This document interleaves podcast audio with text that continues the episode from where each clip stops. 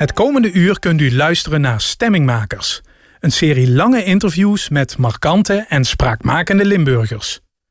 Vandaag met cultuurcriticus en muzikoloog Henk Smeisters. Een gesprek over de consumptiemaatschappij, muziektherapie, zijn jeugd in Blijerheide en over het belang van natuur, kunst, filosofie en het goede leven. Luister u naar Stemmingmakers met Henk Smeisters. Een programma van Fons Geraerts.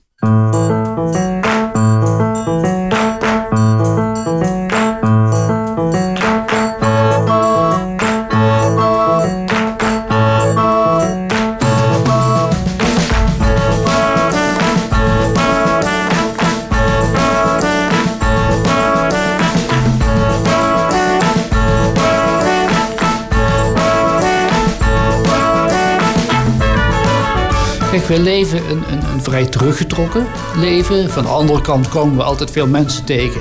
Omdat we veel wandelen, waar we een praatje mee maken. Nou, daar moet je wel uitkijken. Maar het leven van ons is eigenlijk heel nauwelijks beïnvloed door corona. Het enige wat we niet meer doen is, we hebben een voorliefde voor Aken. Dus we gaan normaal gesproken, onder normale omstandigheden, regelmatig naar Aken en naar de Eifel. En uh, ook een weekendje naar de Rijn. Nou, dat doen we niet, omdat we eigenlijk uh, ja, toch wel tot de risicogroep behoren. Dus dat doen we niet. Maar voor, voor de verdere rest is, is er de niks. crisis eigenlijk langs jullie heen gegaan, als het ware? Nou ja, ik lees er veel over. Ik studeer erop, uh, in die zin. dat doe ik wel. Ik hou me er intensief mee bezig. Hoe heeft de regering deze crisis aangepakt?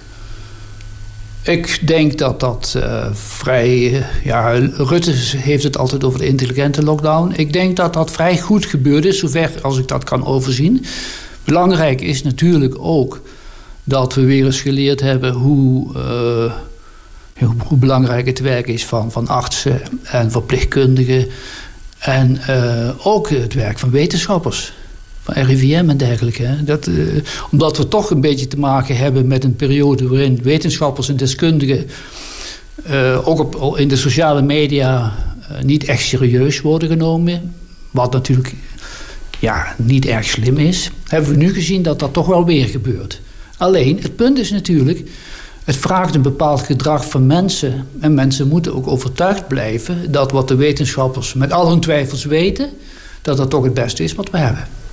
En er zijn veel dilemma's.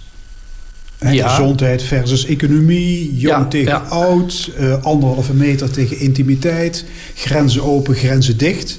Worden we op de proef gesteld? Ja, zeker. Maar het is nog, gaat nog veel verder. Uh, niet dat ik tot degene behoor die, die denkt dat we nu opeens een hele andere maatschappij, een hele andere cultuur krijgen. Maar het zet ons wel ook aan denken over hoe we voorheen leven de economie die we hebben, de maatschappij die we hebben. We merken nu dat het uh, ook anders kan. Ja, goed, dat heeft voor- en nadelen. Uh, dat, dat, en, die, en die dilemma's zijn ook helemaal niet makkelijk.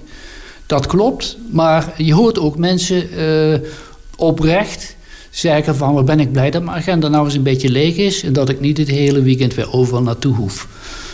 Dus dat, dat zijn dingen die mensen dan noodgedwongen ervaren... maar die ook een positieve impuls kunnen geven aan nadenken over andere problemen die we hebben. Maar de dilemma's zijn groot. Alleen zijn die wel ook anders. Uh, die zijn niet allemaal even, even belangrijk. Dus het zijn gouden tijden voor filosofen, psychologen en andere gedragswetenschappers. Ja, die gouden tijden hadden we al. Hè. Als je, ja, als je ziet uh, wat er gebeurt op het gebied van populisme, uh, wat er in Amerika gebeurt en dergelijke, en de, de, de, de migratieproblemen die we hebben.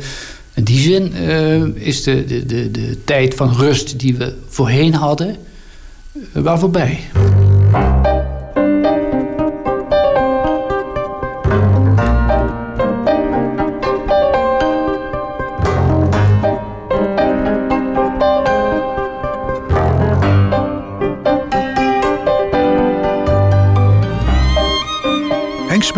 Noemt zichzelf filosofisch cultuurcriticus. Hij vult zijn tijd met lezen, wandelen, muziek, denken en schrijven. Aan zijn laatste boek over de vraag hoe kom je tot levensgeluk heeft hij acht jaar gewerkt. In dat boek pleit hij voor afruiming van de consumptiemachine. De enige manier om opwarming van de aarde te voorkomen en verlies van biodiversiteit en uitputting van grondstoffen. Ik vraag hem of de coronacrisis zal leiden tot bezinning en zelfverbetering Hengstmeesters. Ja, dat ligt dus bij onszelf. Uh, ik denk dat we, behalve de wetenschappers die de feiten boven de tafel halen, dat we ook veel mensen nodig hebben die uh, een verhaal weten te vertellen. Het ene verhaal van we gaan weer gewoon door met wat we deden, dat is ook een verhaal. Dat is geen groots verhaal. Maar we hebben vooral een inspirerend verhaal nodig. En daar heb je dan filosofen, maar ook politici en ouders en, en docenten voor nodig. Die zeggen van hoe zijn we nou bezig met moeder natuur, met de aarde? Is het reëel, zoals we tegenwoordig zeggen in het Anthropoceen, dat we die aarde volledig uitbuiten? En denken van als de ene grondstof uh, verbruikt is, dan vinden we wel een nieuwe. We gaan gewoon door. Is het reëel dat we zo vaak vliegen? Is het reëel dat we zoveel uh, uitstoot hebben? Of zeggen we met z'n allen nee, er zijn toch wel degelijk grenzen aan de aarde, aan de natuur, maar ook aan onszelf als ja, mens. Maar denk je dat er een ecologische catastrofe aan de gang is? Uh, ja, catastrofe is een groot woord. Maar er is wel het een en ander aan de gang. En Waarbij je uh, moet afvragen, zijn we niet langzamerhand bepaalde grenzen aan het overschrijden? Ja, maar je noemde net het woord antropoceen. Ja. Dat betekent dat de mens hele grote invloed heeft op onze atmosfeer. Ja, dat is Dat is nogal wat. Ja, dat is, maar dat is ook zo. En dat, eigenlijk is daar ook geen twijfel over. Als je alleen naar, naar de opwarming kijkt... dat is in 200 jaar, of misschien wel in 40, 50 jaar... veel sneller gegaan dan ooit in de natuur heeft plaatsgevonden. De, de, de verhoging van de zeespiegel, nou alle dingen die altijd in de krant staan... opwarming van de aarde, opwarming van de aarde verhoging zeespiegel... dat gaat zo snel... En dat is ook logisch dat dat snel gaat, omdat overal de economie enorm veel produceert en dus ook enorm veel uitstoot. Wordt die klimaatcrisis au fond veroorzaakt door het kapitalisme? Um, dat is een lastige. Uh, sommigen zeggen van wel, maar dan moet je wel heel breed uithalen. Kijk, het, het, kapitalisme in zijn pure vorm is altijd gericht op kapitaalsaccumulatie. Koste wat het kost.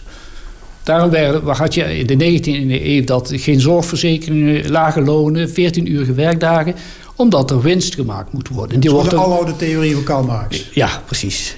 Uh, dat is inmiddels veranderd omdat de, de, kapitalisten, als we ze zo even willen noemen, ook wel inzien dat je ook gezonde mensen moet hebben die hoog opgeleid zijn en die ook een, een, een, een Ford moeten kopen. Die, uh, Ford, uh, Henry Ford begon er uiteindelijk mee. En wat er de afgelopen decennia gebeurd is, wat men het neoliberalisme noemde, ik zal nu, nu niet over die naam gaan discussiëren, ik hou er even aan vast, dat dit systeem van kapitaalsaccumulatie de vrije hand heeft gekregen. Dat, dat bovendien de financiële wereld, denk aan het boek van Joost uh, Luijendijk over Londen, heel vrij spel heeft gegeven. Kijk, dan komen we op een glijdende schaal. In die zin is alles wat daaruit voortgekomen is, uit dat neoliberalisme, dus deregulering, geen grenzen, privatisering. En wat je krijgt als je ook nog gaat zeggen, ja, het eigen belang is het allerbelangrijkste. Iedereen hoeft alleen maar zijn eigen belang, die oude theorie van Adam Smith, na te streven, dan komt alles goed. Nou, dan komt het dus niet goed. Zijn we te veel gefixeerd op economische groei? Ja, ik denk het wel. Ik denk het wel. Maar economische groei en economische groei zijn natuurlijk twee dingen. De ja, pure... gezegd, zonder economische groei geen innovatie, geen vergroening, geen vooruitgang. Het moet ergens van betaald worden. Ja, maar van de andere kant, economische groei brengt ook uh, verspilling met zich mee. Dus als je de economische groei kunt omdraaien, als je kunt zeggen van laten we nou een ander soort economische groei. Je hebt ook, uh, je hebt ook economen die zeggen we moeten het niet over economische groei hebben. We moeten het vooral over de groei van welzijn niet groei van welvaart, maar groei van welzijn. Komt het de mensen ten goede? Als je de, de geschiedenis kijkt, dan heb je altijd perioden gehad waarin uh, ja, het kapitalisme de mensen niet ten goede kwam. Misschien een kleine groep, wat vroeger de bourgeoisie heette. Hè? Inmiddels is dat veranderd, want zoals wij hier zitten, we hebben het natuurlijk ontzettend goed. Maar wat gebeurt er in Bangladesh, wat gebeurt er in India, wat gebeurt er in Afrika? Daar zijn we ook, denk ik, toch, als, als westerse maatschappij mede verantwoordelijk voor. Dus Economische groei moet je misschien opnieuw anders definiëren.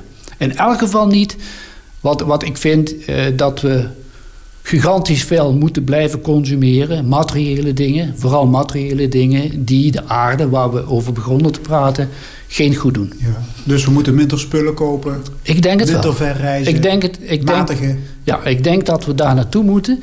En dan kom je ook op het punt eh, wat mij natuurlijk vooral bezighoudt. Dat is namelijk, wat maakt iemand nou gelukkig en wat is een goed leven? Hebben we die spullen? Kijk, bijvoorbeeld, hè. Uh, en ik ben beslist niet de eerste die dat zegt. Ik heb daar in mijn boek ook, uh, ook, uh, ook over geschreven. Dingen als innovatie, en dat klinkt heel positief. En dingen als mode, dat klinkt heel positief. We willen graag afwisseling. Maar als je dat bekijkt, dan is het eigenlijk een soort destructie. Ik koop vandaag een broek. En over twee, drie maanden is er een nieuwe broek in de mode. En dan denk ik, ik voel me verplicht, sociale druk, om dat die nieuwe broek te moeten gaan kopen. Het is heel absurd eigenlijk. Want ik koop een broek, ik vind hem mooi, hij is niet versleten, ik kan er best een jaar mee blijven lopen. Maar dat kapitalistische systeem verplicht ons eigenlijk, hè, dat, dat zie je ook. Bij, als Rutte zegt, koop die auto nou. Wij moeten kopen om het systeem aan de gang te houden. En uh, Giuliani, de burgemeester in New York, die zei na de aanslag, zei van laten we weer gewoon gaan winkelen. En dan vraag ik me af, dat winkelen, wie komt dat nou ten goede? Is dat om om een beter leven te leiden? Tot op zekere hoogte wel. Maar ook hier is een grens. Hoeveel spullen heb ik nodig om gelukkig te zijn? Het is toch te gek dat mensen shoppen als hobby hebben. Of langs de winkelen lopen. Dat, dat, noemen ze dan een hobby. Dan denk ik van ja, maar je kunt zoveel leuke dingen doen. Door de natuur wandelen. Of een boek lezen, of uh, naar muziek luisteren, of, of zelf een muziekinstrument leren. Mensen hebben zichzelf aangeleerd, in dienst van het kapitalisme, zeg ik er dan maar bij, van onze hobby is shoppen. En dat shoppen is heel breed. Dat is die broek waar ik het over had, maar dat is ook dat reisje, uh, de zoveelste reis weer naar Mallorca. Dat is ook de bucketlist. Daar en daar en daar en daar moet ik geweest zijn. In de klas. Uh, Pas las ik in, in, in een artikel uh, wat er gebeurde. Oh, dat is er van Proest. Dat komt uit het, het, het roman van Proest. Toen de eerste auto's kwamen, dat Proest beschrijft... Men, normaal konden mensen gewoon met koets één dorpje bezoeken. Maar dan kwam de auto en opeens konden ze twee dorpjes bezoeken. Dus wat deden ze? Ze gingen op één dag niet in dat ene dorpje. Nee, ze zeiden, hey, we moeten nog naar de tweede. Nou, en dat, hè, dat noemen ze ook wel een versnellingsparadox. Ik heb tijd over, dus wat ga ik doen? Nog veel meer. Hengsmeester gooit eind jaren 50, begin jaren 60 op in Kerkrade. Meer speciaal op de grens van Blijerheide en Nulland. Zijn vader werkte ondergronds op de mijn Emma als elektricien. Zijn moeder was huisvrouw. Welke waarden heeft hij van thuis meegekregen? Um, ja, dat is uh, niet zo makkelijk te beantwoorden, omdat ik, uh, ik had eigenlijk vrij spel. Ik was een nakomertje en uh, ik had een hele prettige opvoeding. Bij ons uh, vielen geen harde woorden, daar, daar vielen geen klappen. Mijn vader was vooral met, met, met het geloof en, en, en, de religie en de kerk bezig. En mijn moeder was uh, een heel stille vrouw. Uh, de enige die me een beetje opgevoed hebben, dat kun je zeggen, dat zijn, zijn mijn, mijn, drie zussen en mijn broer. Maar ik ben nogal een onafhankelijk type, altijd geweest. Dus en, eind jaren 50, begin jaren 60, dat moet één groot speelterrein zijn geweest. Denk ik zo. Uh, ja, er waren natuurlijk veel minder auto's. Maar omdat de straat waar ik het over had, tussen Nulland en Blijenheide, die grensde aan, aan, aan de Duitse grens. Dus als je daar naar beneden liep, dat noemden we de bende. Als je daar naar beneden liep, dan zat je zo aan de Duitse grens. En dat was gewoon... En daar mocht je niet overheen? Daar mocht je eigenlijk niet overheen, maar dan hoefde je maar over een beekje te springen. Dan was je in Duitsland. Wat overigens aanvankelijk, toen ik heel klein was, uh, nog wel akelig voelde. Omdat je er niet overheen mocht. Duitsland was vroeger een heel onbekend land. Pas veel later is echt de liefde uh, voor, voor Duitsland ontstaan. Ja, dat was nog niet zo lang na de oorlog. We hadden wel ooms en tantes over de grens en daar praat hij wel mee. En ik herinner me als klein jochie dat ik uh, bij een oom over de grens in Duitsland... bij een of andere verjaardag, uh, een of ander feest... en dan ging het over de oorlog. Hè. Ik snapte er natuurlijk niks van. was ik een jaar of vijf, zes, zeven. Maar dan zaten de, de, de, mijn vader dan niet zozeer, want die had meer met, met religie. Praatte niet veel over de oorlog. Maar dan werd daar wel uh, fors gepraat over, uh, over de oorlog. En achteraf denk ik niet altijd op de goede manier. Want dat, kijk, het was 50 jaren. Dus Duitsland moest die hele aufarbeid toen nog doen. Hè? Dus daar, daar, liepen echt nog mensen rond die, die nog altijd vonden... als Hitler de oorlog gewonnen had, was het, was het oké geweest. Het gezin woonde onder de rook van de Dominiale mijn. Hoe was het om op te groeien in die zwarte mijnstreek? Ja, zwart hè. het was zwart. En ik, uh, ik liep naar de Antoniusschool in de Veldkuilstraat. Ja, dat weten de mensen alleen die in, die in Kerkrade bij Heide wonen. En die lag naast de Dominiale mijn. En als je uit het raam keek, dan zag je dus, uh, zag je dus de Dominiale mijn. Ik heb wel altijd lange tijd een, een soort romantiek gekoesterd voor de mijnen. Pas veel later heb ik me echt gerealiseerd dat het uh, toch nog wel erg zwart was. Goed, die huizen waren. En, en, en, nou, die, die, die vrouwen konden natuurlijk ook geen was buiten hangen en dergelijke in de straat. Vanwege de stub, ja. Maar ik heb lange tijd een, een uh, echt. Uh, ja, een soort liefde gekoesterd voor dat mijn landschap en die, die, die zwarte bergen die nu allemaal weg zijn of groen. Ja, dus omdat je daarin opgroeit. Hè. Na de lagere school gaat Henk naar de toenmalige HBS. Leren gaat hem gemakkelijk af en hij groeit uit tot uitblinker. Was het ook zijn doel om de beste van de klas te zijn? Uh, ik wilde niet per se me boven anderen plaatsen. Tenminste, ik, ik hoop dat, het, dat ik oprecht dat dit klopt, maar ik denk dat dat zo is. Uh, de anekdote is als volgt. Ik kwam op de HBS en met, met de herfst werd er zo'n lijstje gemaakt... wie is de beste en wie staat helemaal onderaan. Nou, er waren 30 of 35 leerlingen en ik stond op plaats 14. En mijn broer zei, nou, dat gaat best goed. En ik denk, wow, er zijn nog 13 voor mij. Dat heb ik toch iets niet goed gedaan. Ik had toch nog niks gestudeerd, hè? Het, het ging eigenlijk vanzelf, zoals het op de lagere school ook ging. Nou, en vanaf die, die, die herfst, dat herfstrapport... Toen ben ik uh, drie, vier uur per dag gaan leren. Ja, daar zit toch iets terribels achter? Er zijn nog dertien vormen, die moet ik wel even Ja, ik zeg het nu zo. Ik zeg het nu zo. Maar het ging er toch niet om om de eerste te zijn, alleen om voor die anderen te zijn. Ik voelde me verplicht, en misschien komt dat wel door de opvoeding of door mijn vader, dat weet ik ook niet. Ik voelde me verplicht alles uit mezelf te halen wat ik in me had. Het was meer een, een, een, een deugdethiek à la Immanuel Kant. Je, je moet dat gewoon doen als mens, los van wat het je oplevert. Maar het gevolg was wel dat ik jarenlang de beste van de klas was. Wiskunde was je beste vak. Ja. Dus dat werd uh, studie wiskunde aan de Universiteit van Nijmegen. Ja. Dat heb je trouwens niet lang volgehouden. Nee. Waarom niet? Nou, ik kwam erachter dat het niks voor me was. Weet je, dat ging vanzelf. Ik had nauwelijks uh, voorlichting gehad over filosofie of psychologie, sociale wetenschappen, helemaal niet. Uh, wiskunde was mijn beste vak. Ik was goed geslaagd op die HBSB. En, en je wist verder niet wat dat te koop was? Ik wist helemaal niet wat, dat, wat er verder nog te koop was. En ik zie me nog zitten in, in de grote zaal... met uh, ja, misschien enkele honderden studenten. en die kregen dan de wiskundeles. Was, waren er heel veel toen hoor. Faculteit wiskunde natuurkunde. En toen begon het een beetje te dagen... En, en kwam de vraag in mij op van, ja, wil ik dit nou weer? Zo dacht ik vroeger wel. Wil ik dat mijn hele leven gaan doen, wiskunde? En die abstracties. Maar weet je, het heeft ook weer zijn voordelen. Want ik was natuurlijk later altijd ook goed in statistiek. Dus dat, dat, uh, ik kijk er ook niet op neer of zo. Ik vind wiskunde ook belangrijk.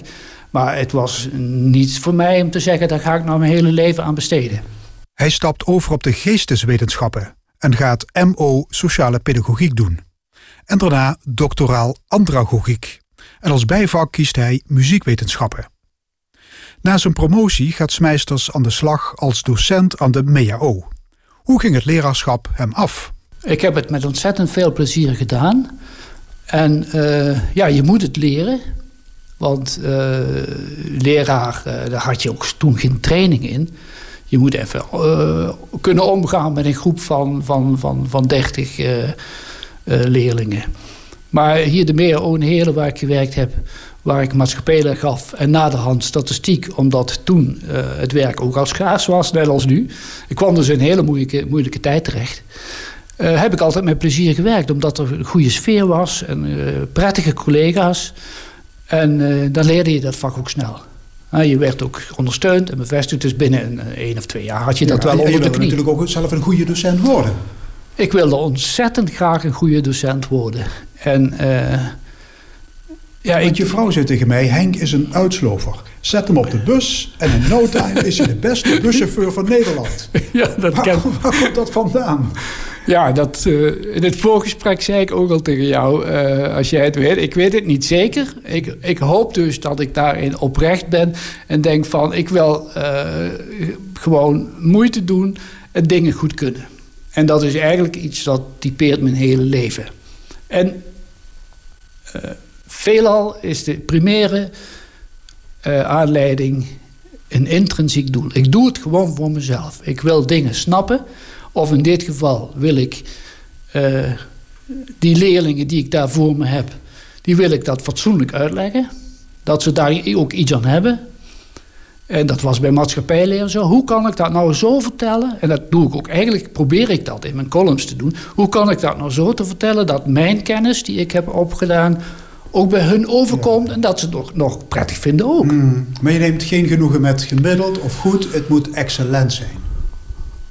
Ja, excellent is dan weer sterk uitgedrukt, maar ik wil het beste ervan maken. Het zal heus niet altijd excellent zijn, maar ik voel me, voel me wel uh, mijn, mijn, mijn, levensopdracht om de dingen goed te doen. dat dus klopt. als je aan uh, heel Holland bakt mee zou doen, word je geit de winnaar.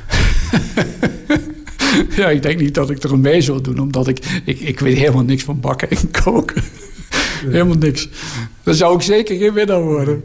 Maar eist die van je leerlingen ook maximale inzet? Ja, volgens hun, hun, vermogens. Kijk, ehm, je, je hebt natuurlijk een talent en je hebt inzet. En die, die twee moet je zien te combineren. Als ik veel talent heb, vind ik zelf, dan moet ik me inzetten om dat talent eruit te halen. Maar ik heb veel leerlingen gehad die eh, niet meteen door hadden uh, wat, hoe een statistische berekening in elkaar zit. Anderen wel. en dan probeer je dat zo te vertellen dat ze het met hun ja, wat minder talent op dat gebied toch voor elkaar krijgen. Ja, dat is dan de uitdaging als docent. Je studeerde muziekwetenschap en je bent je gaan toeleggen op muziektherapie. Ja. Wat is dat? Muziektherapie is een vorm van therapie die met behulp van muziek, en dat heb ik later uitgebreid met andere therapieën, Ehm, mensen proberen te helpen. Dan kun je denken aan heel uiteenlopende problemen. Van, van de schizofrenie eh, tot de depressie, tot het autisme, tot de demente uh, bejaarden. Daar gebeurt heel veel muziektherapie. En uh, op de een of andere manier is met, met de mens, zijn die mensen moeilijk of minder goed cognitief of verbaal benaderbaar. Ja, je hoort vaak dat mensen met dementie opknappen als ze muziek horen uit hun jeugd. Ja. Is dat zo'n voorbeeld van muziektherapie? Dat is een, uh, ja, het is natuurlijk de vraag of je dat therapie moet noemen, om, omdat die dementie niet, niet weggaat. Maar het feit dat als je met mensen uh, die dement zijn liedjes van vroeger zingt, dan gaat een ander deel van de hersenen uh, in werking. Dus er komen allerhande emoties en associaties komen boven. Uh, wat wij hebben met onze uh, muziek uit, uit de puberteit, hebben deze mensen natuurlijk ook met de muziek van vroeger. En dat gaat niet via het cognitieve, via het denken, via het, het weten, maar dat gaat via een emotionele, gevoelsmatige, associatieve laag. En, er zijn en op welke manier wordt muziektherapie toegepast bij delinquenten? Daar heb ik, uh, toen ik lector was bij, bij Canvac, uh, onderzoek naar gedaan. en dat betekent natuurlijk, kijk, delinquenten, dat zijn natuurlijk mensen die ook emoties en gevoelens en denkpatronen hebben en gedrag hebben. Neem als voorbeeld dat iemand een hele slechte jeugd heeft gehad, getraumatiseerd is en daardoor ja, min of meer, noodgedwongen is een groot woord, maar min of meer in dat delinquente circuit terechtkomt. Nou, er zit heel veel boosheid en woede. Er zit sowieso veel boosheid en woede in mensen, ook nu. Hè? En uh, dat is voor een deel verklaarbaar. Voor een ander deel zou je zeggen, ja, je zou dat eigenlijk in de greep moeten hebben. Maar wat doe je als je dat niet in de greep hebt? Nou, zet zo iemand in de muziektherapie. En dan kan de muziektherapeut op een niet-destructieve manier... met die boosheid en die woede aan de gang gaan. Want daar heb je muziekinstrumenten voor. maar hoe gaat dat? Door een muzikale vorm te kiezen waarin hij een rol heeft... en bijvoorbeeld de leiding mag hebben... of bijvoorbeeld uh, heel sterk, krachtig op bongo's en congas kan spelen. Of je hebt tegenwoordig ook, ook jongeren die gitaar spelen. Nou, die krijgen een elektrische gitaar met een, met een, met een versterker. En die kunnen er tegenaan. En dat, dus vooral jongeren in dit geval muziek laten maken zelf. Ja, muziektherapie is voor een belangrijk deel ook, uh, ook actief. En uh, als, je, als je goed kunt spelen, nou, dan speel je uh, wat, wat, wat ingewikkelde muziek. En als je minder goed kunt spelen, dan neem je een conga of een bongo. Of, er zijn een heleboel muziekinstrumenten waar je iets op kunt doen. En het, het belangrijke is dus om te beseffen dat als je mensen in een bepaalde ervaring brengt, dat dan heel veel loskomt. Dan moet je vervolgens mee aan de slag. Het is niet zo zoals uh, van, we, slaan er een keer hard op en dan, dan ben ik geen crimineel meer. Zo, zo is het niet natuurlijk. Hè? Maar dan heb je wel die persoon te pakken. Dan zie je wel zijn verdriet en dan zie je zijn woede en daar kun je mee door. En je kunt zelfs ook, als je wat meer in het cognitieve vlak terugkomt, zeggen van, van kijk, er zit dus heel veel boosheid in jou. En waar komt die boosheid vandaan? Waar is dat gebeurd? En je hebt over dit vakgebied twintig boeken geschreven. Zo ongeveer. Die zelfs in het Japans zijn vertaald. Dus je bent de autoriteit op dit gebied. Nou, er zijn wel. Er zijn natuurlijk heel veel autoriteiten. Er zijn hele grote mensen in de Verenigde Staten en in Duitsland en dergelijke. Maar ik ben in Nederland wel iemand geweest. En daar ben ik mee begonnen in Enschede. Die dacht van dit moet allemaal wel wat wetenschappelijker worden. Kijk, vroeger was de creatieve therapie, en dat is ook belangrijk, waren dat allemaal mensen die kwamen vanuit de kunst. Maar de gezondheidszorg is natuurlijk nu sterk gericht op de cliënt of de patiënt. Wat moet ik bij deze persoon doen zodat hij daar het meeste aan heeft? Je kunt niet bij iedereen hetzelfde doen. En autisme is anders dan een demente bejaarde, noem maar op. Nou, die systematisering, en daar heb je dus veel onderzoek voor nodig en daar heb je veel theorie voor nodig. Waarom werkt dat nou? En daar heb je veel praktijkkennis voor nodig. Nou, dat, daarvoor heb je zo'n onderzoeksinstituut dat dat soort onderzoek doet. Omdat er zoveel mensen al in de praktijk werken. Hoe belangrijk is muziek in jouw leven? Gigantisch. Dat is het enige woord wat ik, wat ik hierbij kan zeggen. We zitten in jouw huiskamer, er staat een piano. Je speelt iedere dag volgens mij. Ja, vanochtend ook. Voordat je kwam. Ik denk dat is goed voor de concentratie. Dus je kunt je een leven zonder muziek eigenlijk niet voorstellen. Nee, maar ik heb ook pogingen gedaan om muzikus te worden. Dat was dan na de HBS. En je moet je voorstellen, in de HBS dan... Uh, ja, dan ik zat helemaal in, in, in, in, in, die, in die hype van uh, Woodstock... En Summer of Love, 67, 69. En ik was helemaal vol met, met muziek. En dat is later uh, klassiek geworden, maar dat was toen uh, popmuziek en blues en dergelijke. En ik heb ook geprobeerd om in een bandje uh, wat, wat te bereiken. Maar ik ben dan ook weer iemand die zegt van, nou, dit, dit wordt niks, ik kom niet verder. Dus vandaar dat ik op die sociale pedagogiek, ik trek een streep en ik denk, nee, ik ga wat doen waar ik mee verder kan. En na de hand heb ik ook jarenlang klassiek piano gestudeerd. En uh, nog overwogen om pianodocent te worden. Maar ja, ik zei, ik had het over talenten. Wat zijn nou je grootste talenten en wat zijn je mindere talenten? maar nog steeds wordt hier op vrijdagmiddag de gitaar ingeplucht. En elke vrijdag is... Dan wordt Clapton, Eric Clapton gespeeld. Dan wordt Eric Clapton gespeeld, precies. Elke dag piano en op vrijdagmiddag Eric Clapton, dat klopt. Dus muziek is heel belangrijk. Ik ben Lei Heiraat. Uh, ik ben van huis uit Neerlandicus. Ik heb uh, in het voortgezet onderwijs gewerkt, later in het HBO. En in het HBO was ik voorzitter van het college van bestuur van de Zuidhogeschool. En zo heb ik Henk Smeesters leren kennen. Hoe was hij als werknemer?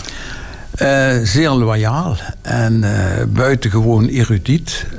Henk was een van de weinigen die uh, in die tijd al in staat was om uh, de theorie en al hetgeen hij als persoon uh, meebracht, om dat om te zetten in een praktisch curriculum. ook iemand die, op wie je een beroep kon doen om uh, moeilijke klussen te klaren. En daar was Henk bij uitstek iemand die, uh, die, die een dergelijke uitdaging niet uit de weg ging. Dus niet iemand die de kantjes ervan afliep? Absoluut niet, integendeel. Noem eens een minpunt van Smeesters. Oh, dat was moeilijk. Um, ik, uh, ik weet niet zo 1, 2, 3. Misschien is hij iets minder bestand tegen heftige spanningen. Dat heb ik eh, niet van nabij kunnen meemaken, maar dat is een inschatting die ik maak. Maar uh, ik zou niet weten wat ik hem ja, aan, moest aanbevelen om uh, als docent of als uh, lector uh, zijn werk beter te verrichten. Dat zou ik niet ja, weten. Hij is een autoriteit op het gebied van vaktherapie, Ja. creatieve therapie, muziektherapie, hoe je het ook wilt noemen. Liep je daarmee te koop? Eh, daar is hij het type niet naar. Hij, eh, hij eh, is iemand die eh, zijn kennis, indien daar een beroep op wordt gedaan, aanspreekt en eh, in de juiste verhoudingen weet eh, weer te geven. Maar hij loopt niet te koop met zijn, met zijn vaardigheden. Dat geldt ook voor zijn muzikaliteit. Hij speelt prima piano en eh, daarnaast is hij ook zeer bedreven op de elektrische gitaar. Hij is heel kritisch op de samenleving. Ja. Wat drijft hem? Ehm, ik denk dat, en daar hebben we het samen vaker over, de oppervlakkigheid die op dit moment en de, hoe moet je het noemen, de vertrossing die op dit moment eh, alom heerst. En ehm, er is geen tijd meer voor fundamentele zaken, voor eh, bezinning. Eh, zijn laatste grote boek heet niet voor niks Stilstaan en doorlopen. Daarmee eh, suggereert hij in feite dat we eh, beter moeten gaan nadenken over de dingen waar we mee bezig zijn. En dat we tegelijkertijd moeten proberen om daarvan lerende eh, onze weg te vervolgen. Ja, hij zit er heel, helemaal vol van, zou je kunnen zeggen. Ja. Toch maakt hij geen gekwelde indruk. Absoluut niet. Eh, dat, dat is ook niet de toon van onze gesprekken, moet ik zeggen. Die zijn eerder eh, dat wij vinden dat, eh, dat er een, een aantal mensen moet zijn die die roeping vervullen, om het zo maar eens uit te drukken. En als Henk daar ook met zijn boeken een. een leidsman in zou kunnen zijn, dan denk ik dat dat is wat hem uiteindelijk drijft. Is het een man met een missie? Ehm, dat is misschien iets te veel gezegd, maar het is in ieder geval iemand die zijn opvattingen over eh, dat soort zaken heel erg graag uitdraagt. Gelukkig met minder. Dat is Meisters adagium. Minder werken, minder consumeren, dan heb je meer tijd om te filosoferen. Want geestelijk bezig zijn is de kern van het goede leven. Een van zijn favoriete uitspraken is: Der andere kunt recht hebben. Ja, dat is een mooie zin hè? van Gadamer. is een, een, een filosoof. Die werd gevraagd, is de anekdote, die werd gevraagd op het sterfbed. Hans-Georg Gadamer, wat is volgens jou filosofie? Ik weet niet wie die vraag stelde. Maar hij zei, der andere kunt recht hebben. Als je die doordenkt in onze tijd, der andere kunt recht hebben. Dan is einde populisme, einde polarisatie. Waarbij ik niet zeg dat je moet denken dat Trump gelijk heeft. Kijk, er zijn natuurlijk wel grenzen. Trump liegt gewoon en dat moeten we ook in elkaar stellen. Maar je echt afvragen, wat bedoelt de ander nou? Kijk, Gadamer was een hermeneuticus. Hermeneuticus, dat zijn eigenlijk de mensen die komen uit de tekstinterpretatie. Wat staat er nou in oude teksten? Wat werd destijds bedoeld? Wat staat nou eigenlijk in de Bijbel, bijvoorbeeld? Want daar komt het vandaan. En wat, hoe moeten we Dante, de Divina Commedia, hoe moeten we dat lezen? Zo kun je ook een persoon lezen. Wat zou die meneer of mevrouw die nu, jij dus voor me zit, die meneer, wat zou die nou eigenlijk bedoelen? En wat ik ook een slechte zaak vind, ik merk dat vaak ook bij recensies en dergelijke, hè, dat mensen eh, die, die recenseren dan eh, een boek of zo en vertellen ze hun eigen verhaal. Maar wat die auteur, ik heb het boek dan gelezen, ik denk, ja, maar dat boek gaat, gaat over iets. Probeer dat nou eerst eens even voor het daglicht te brengen. Vervolgens mag je alles zeggen waar je, je het niet mee eens bent. Hè? Nou, dat is eh, goed, dat is eh, het recht van de recensent. Zeg maar, daar, daar klopt het niet en daar klopt het niet. Maar probeer nou eerst die auteur eens een beetje te laten stralen. Wat heeft hij nou bedoeld? Nou ja, in de politiek is dat ook, hè. Die, die debatten van politici. Gaan die nou serieus in op wat de ander eh, bedoelt? Terwijl de waarheid, die zit nooit aan één kant. Of je nou liberalisme, of conservatisme, of socialisme, of wat dan ook. Bij fascisme noem ik daar niet bij, want die vind ik gewoon onwaar. Maar je zou bijvoorbeeld bij die rechtsextreme mensen op dit moment wel eens kunnen, kunnen afvragen: uh, waarom denken zij zo? Wat zit daar nou achter? Dat kun je best afkeuren. Als iemand uh, vindt dat Hitler opnieuw geboren moet worden of zo, hè, de neonazis in Duitsland, of die Merkel de dood toewensen. Tuurlijk is dat erg, moeten we dat afkeuren. Maar hoe ontstaat zoiets? Henk, je schrijft regelmatig columns in de, in de Limburger. Je had het een keer over moderne barbaren en digitale debielen. Citaat. Mensen missen het geestelijk vermogen zich af te keren van de banale prikkels die hen omringen. Ja. Neem je mensen dat kwalijk? Dat is lastig, hè. Dat vind ik... Dat probeer ik altijd te voorkomen. Ik probeer een boodschap uit te dragen... hoe ik tegen dingen aankijk en wat ik belangrijk vind in het leven. Maar je, voordat, je, voordat je het weet, zit je, zit je al gauw in de stigmatisering en in de zondeboek. En dat moet natuurlijk niet gebeuren. Maar ik zeg wel, mensen, hou je ogen open. Durf na te denken. Onttrek je aan groepsdruk. Laat je niks wijsmaken. En de mensen die dat dan zich wel iets laten wijsmaken en daar niet over wensen nadenken, na te denken, een standpunt niet ter discussie stellen. Echokamers, noem maar op. Hè. Je kent, ja, kent die termen allemaal wel. Ja, ik vind dat ze verkeerd bezig zijn. maar hoe krijg je de shoppende en internetverslavende medemens zo ver... dat hij zich gaat verdiepen in geestelijke verdieping en zingeving? Ja, ik moet een goed verhaal vertellen. Ik, ik kan alleen maar een goed verhaal vertellen. En dat heb ik geprobeerd in mijn boek Doorlopen en Stilstaan... waar je me alles een keer over uh, geïnterviewd hebt. Ik moet een goed verhaal vertellen om mensen te inspireren. We leven in postmodernisme, zeg maar wel. Hè? Grote verhalen zijn allemaal waardeloos gebleken. Nou, de grote verhalen van liberalisme, socialisme en dergelijke. Maar ik vind wel dat we een ander ja, maar dat nieuw verhaal moeten krijgen. een dikke pil van 440 bladzijden. Dat is bijna voor Jan met de pet niet, niet te lezen. Is het niet vooral preken voor eigen parochie? Ja, ik hoop dat het dat niet is. Maar het boek is wel dik, ja. Maar ik kreeg, kreeg gisteren maar voor iemand met alleen lagere school, die komt daar niet doorheen. Dat zou kunnen. Dat zou kunnen. Maar ik schrijf natuurlijk ook columns. Maar die zijn misschien ook, ja, die zijn misschien ook niet uh, voor iemand van de lagere school. En ik leer ook bij.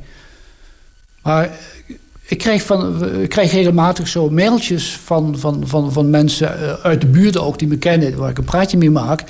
En die vinden dat je bijvoorbeeld door dat dikke boek wel heel goed doorheen komt, omdat ik, zeker in dit geval, omdat ik er acht jaar aan gewerkt heb, geprobeerd heb het zo te schrijven dat in principe iedereen die zich moeite doet, het kan snappen. Maar de dikte is misschien, ja, maar moeten de mensen de helft lezen of zo. Of een derde deel, of dat, of dat deel wat, wat hun aanspreekt. Ik snap het wel. Dik boek is een probleem. De ondertitel van het boek is Zoeken naar het goede leven. Ja. Wat is het goede leven? Ja, dat heb ik aan, ontleend aan Aristoteles. Omdat Aristoteles in zijn ethica wel een idee had van het goede leven. En, dan moet je weer voorzichtig zijn, want je kunt het goede leven niet voorschrijven. Daar krijg je alleen maar drama's van. Maar ik heb door alle literatuur, want ik heb er gigantisch op gestudeerd, wel een aantal dingen ontdekt. En die ben ik bij heel veel schrijvers en kunstenaars tegengekomen. Het goede leven kent in elk geval vier waardes. Eén, en dat is een open deur, dat is de liefde. Twee, respect voor de natuur. Drie, kunst als beschouwing. En vier, de filosofische reflectie. Hoe, hoe bereik je dat? Is er een soort beschavingsoffensief nodig? Ik denk wel dat er een bildungsoffensief nodig is. Dat we ons weer bewust worden van het feit dat kunstwerken, heb je ze weer, gedachten van filosofen, dat daar heel veel uit te halen is. Ieder mens leeft zijn eigen leven. Je wordt geboren, je gaat dood en daartussen zit een hele, hele tijdspanne. Dat kan niet alleen opgaan aan shoppen. Dat kan niet. En ik denk ook dat in de kern in ieder mens dat wel doorheeft. Ja, maar wie moet dat verhaal vertellen? Is dat de politiek? Is dat het ja, onderwijs? De, politiek moet het ook schrijvers? De politiek moet het ook vertellen. Kijk, als Rutte zegt dat, dat een visie een olifant is in de Kamer, dan vertelt hij het verhaal niet. Dan, denkt hij, dan suggereert hij, misschien is hij in zijn werkelijkheid wel helemaal niet zo, maar hij suggereert dat het, dat het daar alleen maar over gaat. Maar het moet door heel velen verteld worden. Door politici die een visie moeten hebben. En die visie hoeft niet de enige eh, ware visie te zijn, maar die moeten het hebben over hoe richten we ons bestaan in. Hoe richten we ons leven in? Wat kunnen we daaraan bijdragen? Dat is niet alleen economische groei. Dat is niet alleen concurrentie. Dat is niet alleen de nieuwste smartphone. Dan heb je de ouders, hele belangrijke rol. En de leraren, ja, deskundigen, intellectuelen, filosofen. Die moeten gewoon de, het publieke domein doelbewust opzoeken.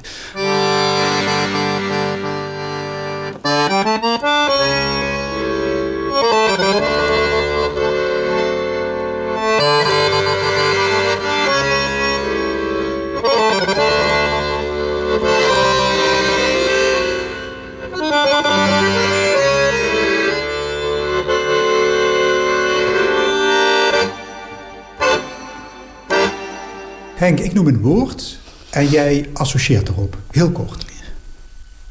Ja? Spiritualiteit. Beter geestelijk. Ik hou meer van het woord geestelijk.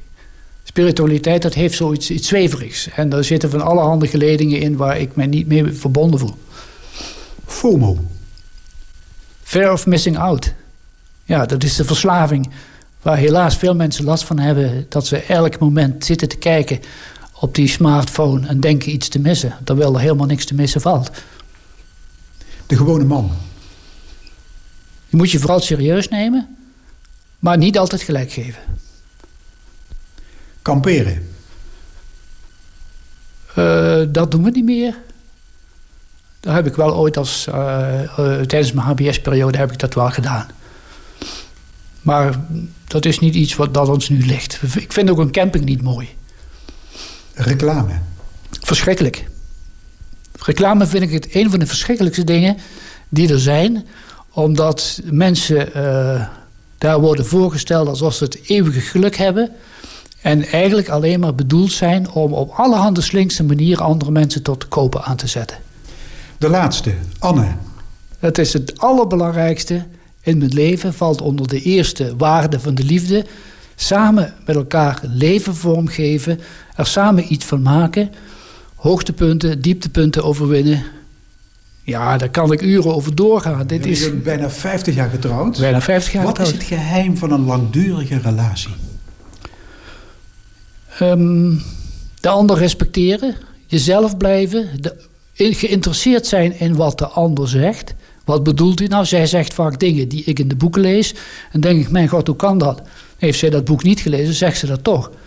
Maar ook als je het niet eens bent, de anderen serieus nemen.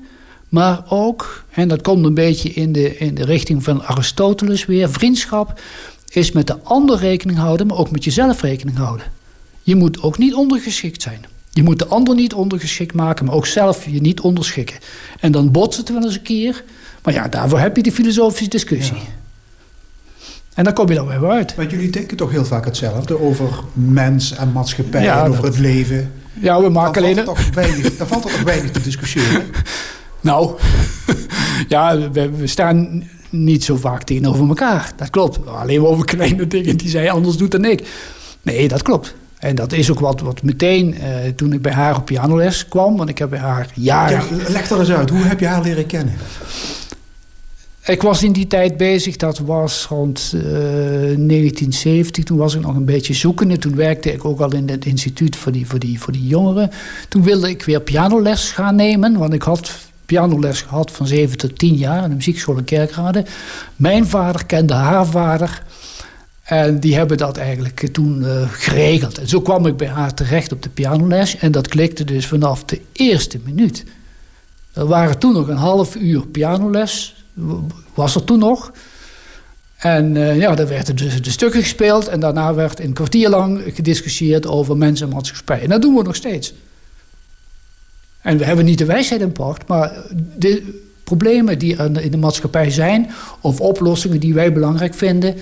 We lezen samen de krant, dan wordt er over gepraat. Ja, maar volgens Anne was het geen liefde op het eerste gezicht. Toen. Wat dan wel? Ja, liefde op het eerste gezicht, dat, dat heeft in onze betekenis uh, niet zoveel waarde. Liefde op het eerste gezicht, wat is dat? Uh, je kunt het ook een andere invulling geven. Geestelijke band. De geestelijke band, merken dat daar iemand is die op de eerste plaats oprecht is, die authentiek is, die een visie heeft, die bereid is met jou daar van gedachten te wisselen. Die geestelijke band is veel belangrijker dan die liefde op het eerste gezicht.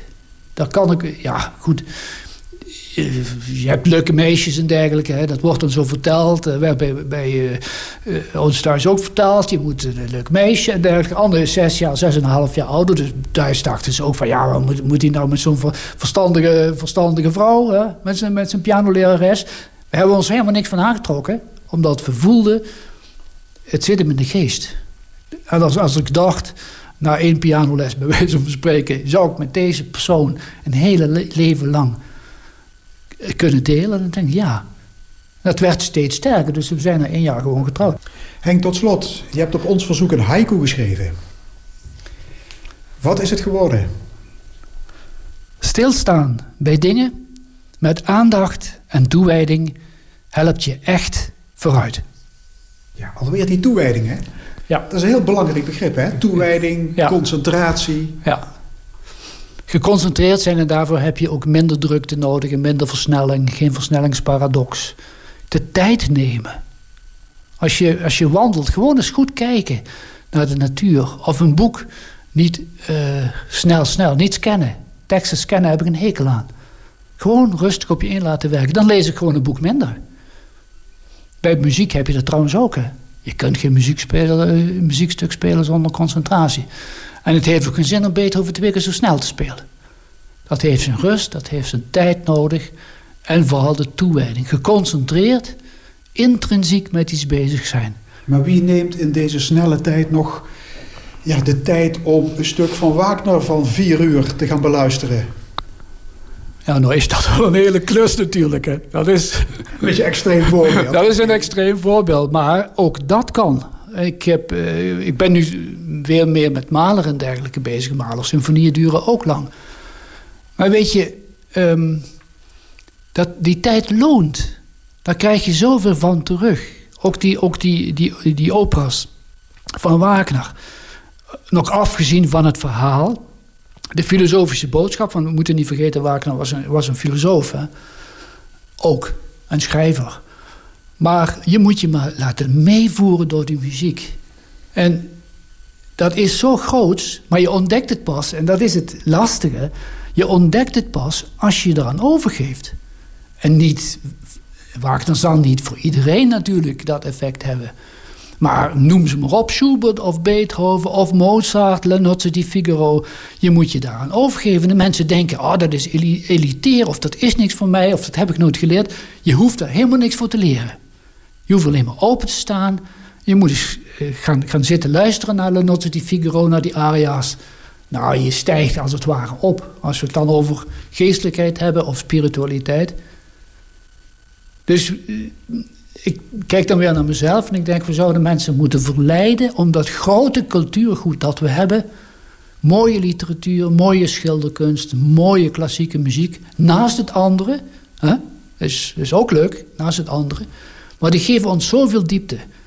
Eh, filosofen, Schopenhauer, Aristoteles, Nietzsche, dat klinkt allemaal zo ingewikkeld. Dat is helemaal niet zo ingewikkeld. Dat kun je in hele eenvoudige mensentaal kun je dat uitleggen.